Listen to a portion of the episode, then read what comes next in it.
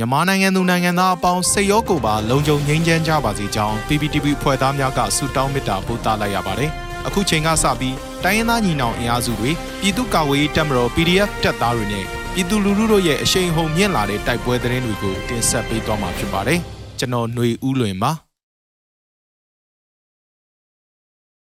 ပထမဆုံးအနေနဲ့တင်ဆက်မှာကကလေးတွင်ဒေသခံကာကွယ်ရေးတပ်ဖွဲ့များနဲ့စစ်တပ်တို့နှစ်ရက်ဇက်တိုက်တိုက်ပွဲဖြစ်ပွားခဲ့တဲ့တဲ့တင်မှာ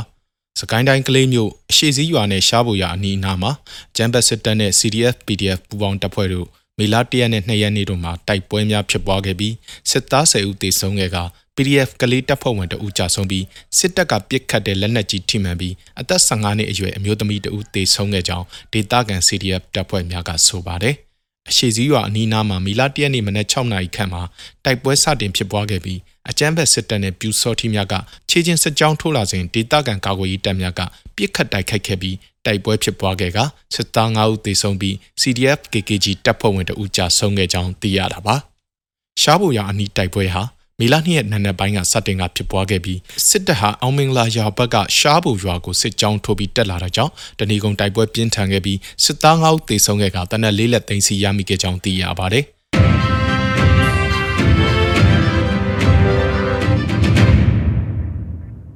ဆလဘီထီကြိုက်မြို့နယ်အင်တောင်းရွာမှာထွက်လာတဲ့စစ်ကောင်စီတပ်ဖွဲ့ကိုပဒေသာမိုင်းခွဲတိုက်ခိုက်ခံရပြီးစစ်သား6ဦးသေဆုံး10ဦးဒဏ်ရာရတဲ့တဲ့တင်တက်ဆက်ပါမယ်။ စကိုင်းတိုင်းကတာခရိုင်ထိကြိုက်မြို့နယ်အင်တောင်းကုန်းမှာတောင်ဘက်ကိုထွက်ခွာလာတဲ့စစ်ကောင်စီတပ်ဖွဲ့ကိုမေလ2ရက်နေ့မှာဒေသကာကွယ်ရေးမဟာမိတ်တပ်ဖွဲ့များကပဒေသာမိုင်းများနဲ့ဖောက်ခွဲတိုက်ခိုက်ကစစ်သား6ဦးသေဆုံးပြီး10ဦးခန့်တန်းရရကြောင်း Eagle Army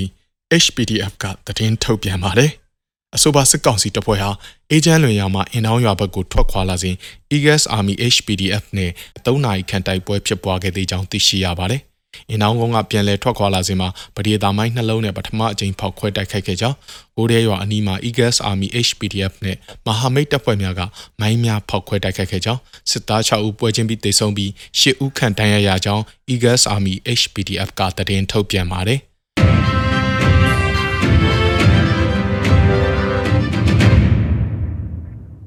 မော်လိုက်ပန်းသာရဲစခန်းတိုက်ခိုက်ခံရတဲ့တဲ့ရင်ဆက်လက်တင်ဆက်မှာပါ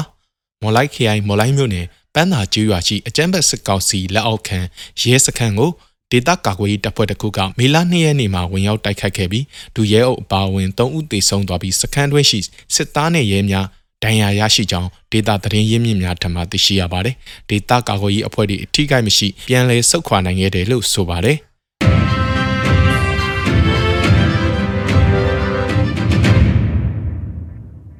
နောက်ဆုံးအနေနဲ့ရေမျက်နှာရဲစခန်းကို YDF ထီလင်းတိုက်ခိုက်စစ်ကောင်စီတပ်ဖွဲ့ဝင်2ဦးသေဆုံး2ဦးဒဏ်ရာရတဲ့တဲ့တင်ဆက်ပေးမှာပါ။မကွေးတိုင်းထီလင်းမြို့နယ်ရေမျက်နှာရဲစခန်းကိုယမန်နေ့မေလ2ရက်နေ့နနက်9နာရီခန့်မှာပြစ်ခတ်တိုက်ခိုက်ခဲ့တဲ့ဗီဒီယိုကို YDF ထီလင်းကယနေ့ထုတ်ပြန်ခဲ့ပါတယ်။မိနစ်30ခန့်တိုက်ပွဲဖြစ်ပွားပြီးကနဦးမှာအကြမ်းဖက်စစ်တပ်မှတအုပ်သေဆုံးကနှစ်ဦးဒဏ်ရာရတယ်လို့သိရပြီး ယနေ့မှာဒဏ်ရာရသူတအုပ်ထပ်မံသေဆုံးတာကြောင့်နှစ်ဦးသေဆုံးကြောင်း YDF ထီလင်းထံမှသိရှိရတာပါခင်ဗျာ။